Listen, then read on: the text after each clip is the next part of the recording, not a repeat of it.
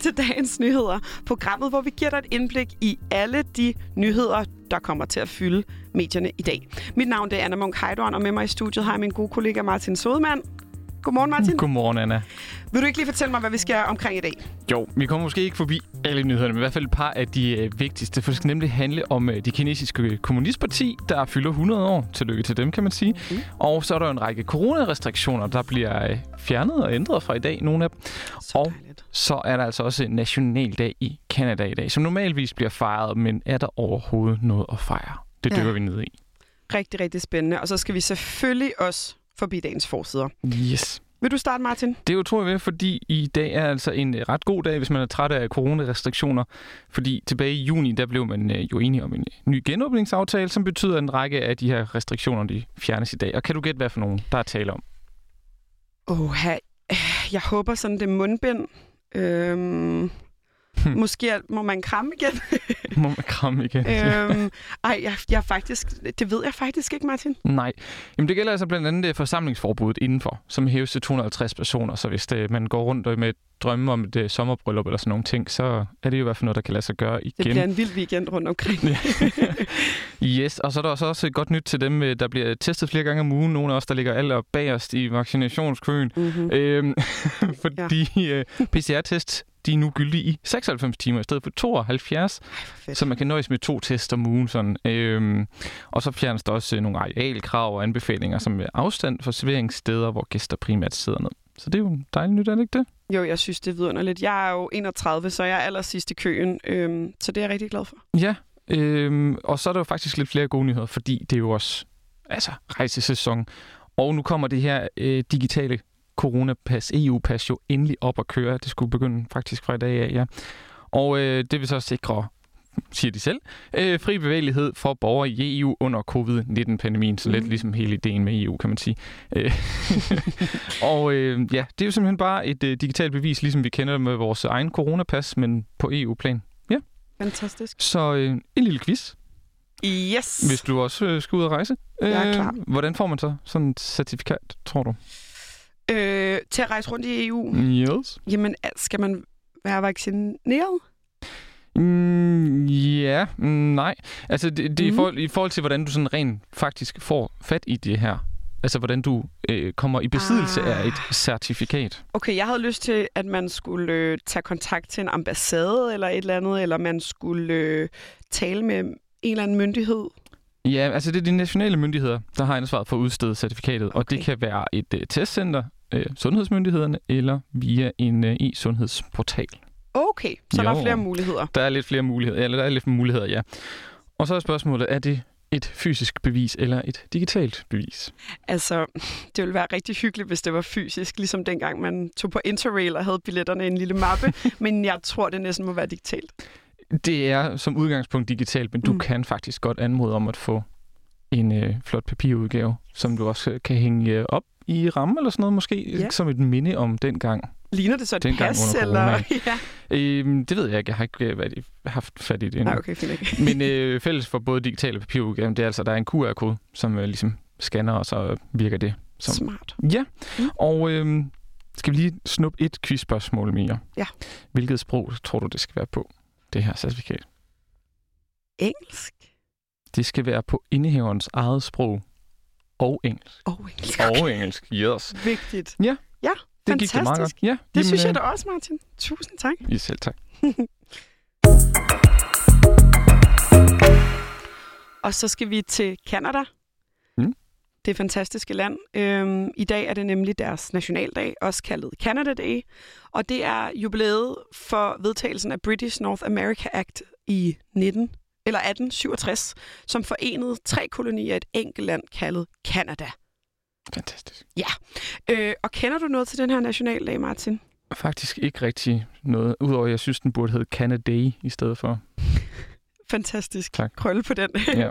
øhm, men øhm, man kan sige, der er faktisk desværre ikke så meget at fejre lige for tiden. Nej. Øhm, det er i hvert fald det budskab, som mange indfødte kanadier har. Fordi at øh, for få uger siden, der blev der fundet line af hundredvis af skolebørn fra det oprindelige folk. Øhm, og de blev opdaget i de her umærkede grave. Og resterne blev opdaget øh, der, hvor man, man lavede nogle eftersøgninger på de tidlige kostskoler.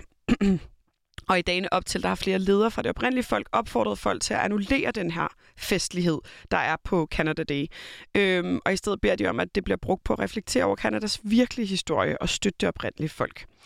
Og, men lad os lige først få slået fast, hvem det oprindelige folk er. Og her der vil Michael Bøs, der er historiker og ekspert i Kanada-historie, lige hjælpe os. Kanada har tre grupper oprindelige folk. Den ene gruppe, den største, øh, kalder man First Nations. Vi vil kalde dem kanadiske indianere. Den anden gruppe, det er en landingsgruppe, der hedder METI, og det er øh, det efterkommer af ægteskaber, parforhold mellem franske helgærer og indianere. Den tredje gruppe, det er inuiterne, som man også tidligere kaldte eskimoerne. Ja, og de her kostskoler, det blev øh, brugt til, at de oprindelige folks børn øh, skulle lære at opføre sig som hvide børn. Og de mm. blev tvunget på de her kostskoler. Og her blev de altså udsat både for fysisk og seksuel vold, psykisk skade, sult og alle mulige andre former for misbrug. Øh, på et tidspunkt så øh, mente den kanadiske regering, at det gik ikke, at specielt First Nations, altså indianerne, øh, blev ved med at leve på deres traditionelle vis. Man ønskede at, og mente, øh, at den eneste måde, de ville kunne klare sig på, øh, ville være, at de blev assimileret, altså lærte at leve efter på den samme måde som den hvide mand, og, og gik ind i, i det kanadiske samfund, gik ind og blev lønarbejdere i det kanadiske samfund. Og som led i den der tvangsassimilering, så blev der så oprettet nogle skoler, øh, men da de her indfødte folk levede meget spredt, så blev de der skoler lavet, gjort til øh, kostskoler. Og Kanadas kostskolesystem fungerede fra slutningen af 1800-tallet og op til 1990'erne. Og de her gravsteder er altså et resultat af skoledriften, fortæller Michael Bøs. Det er jo ikke sådan, at, øh, at man bevidst udryddede øh, og, og dræbte de her børn, der gik på skolerne overhovedet ikke. Det, man gik efter, det var at tvangsassimilere dem. Det er snarere at tage deres kultur fra dem. Dels deres sprog og dels deres traditionelle kultur. Så derfor har man øh, senere, når man, der har været nogle kommissioner, som er nedsat øh, og som udgav en rapport i øh, 2015, konkluderet, at der var tale om en form for kulturelt folkemord. Mm. Men der er tale om børn, som døde. For de fleste af dem, vi taler om, det er børn, der døde under forskellige former for epidemier, ikke mindst den spanske influenza, der fra 1918 frem efter, også store tuberkuloseepidemier. Og det var simpelthen fordi, de levede i, øh, sov i, i store sovesale og smittede hinanden. Øh, så det er ganske, ganske mange, og det er hundredvis, det er måske tusindvis af børn, som er, er døde på de her øh, kostskoler. Det er ikke lang tid siden, at der blev fundet 751 umærkede grave på en nedlagt katolsk kostskole i det vestlige Kanada, og det kom altså blot en uge efter en lignende meddelelse om 215 skolebørn, der også blev fundet i umærkede grave. Ja, jeg var med til at dække den der historie. Der havde jeg nemlig nyhedsvagten om, om de 215 der. Så så jeg godt, der kom endnu flere nu, og det er jo, altså, det er jo noget, der virkelig oprører hele Kanada, jo, og altså meget af verden har fået øjnene op for, at ja. der virkelig har været nogle ting, der ikke skulle være, som de er. Ja, der har været mange tragedier generelt med det oprindelige folk i flere forskellige lande, ikke, som er blevet altså på alle måder misbrugt. Hmm. Men det ja. er jo Canada Day.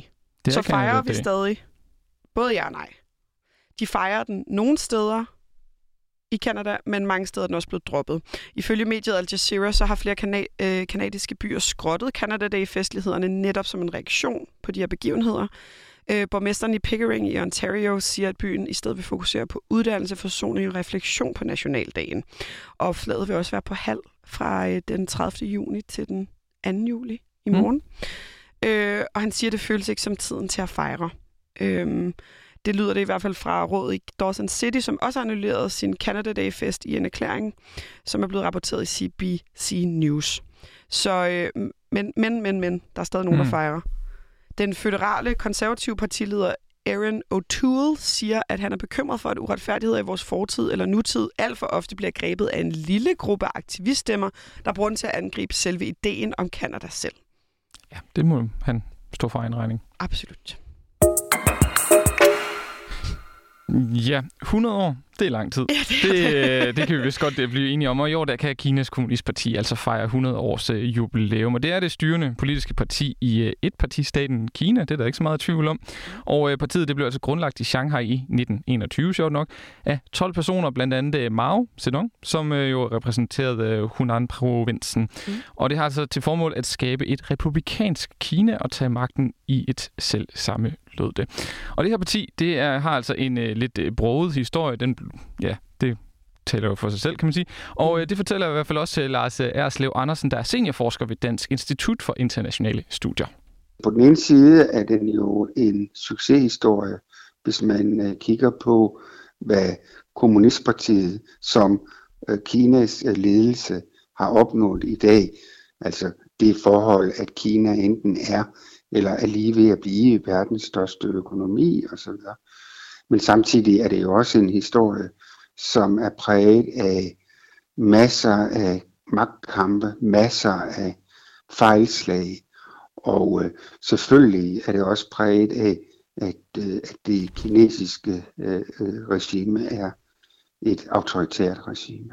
Ja, der har altså været lidt øh, bump på vejen, og ikke ret lang tid efter partiet blev stiftet, så kommer der så også en øh, borgerkrig, og der kommer indblanding fra den internationale kommunistiske bevægelse, hvor øh, der blander sig i, hvordan øh, de synes, tingene skal være.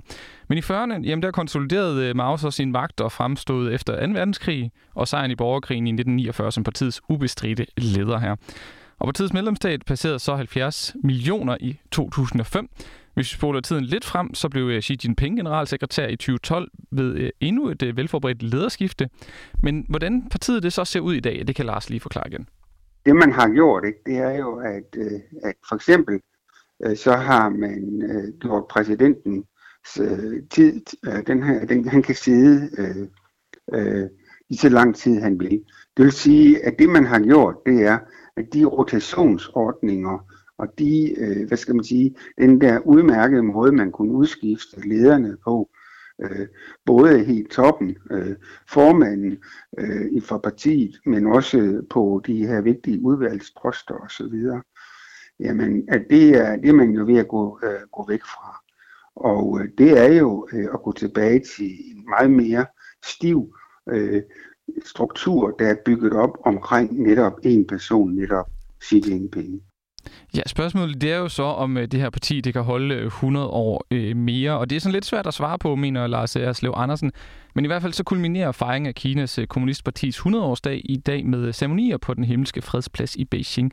Og her vil en hovedbegivenhed være en tale af præsident Xi Jinping, som øh, siden sin indsættelse i 2013 konstant har strammet kommunistpartiets kontrol med landets 1,4 milliarder indbyggere.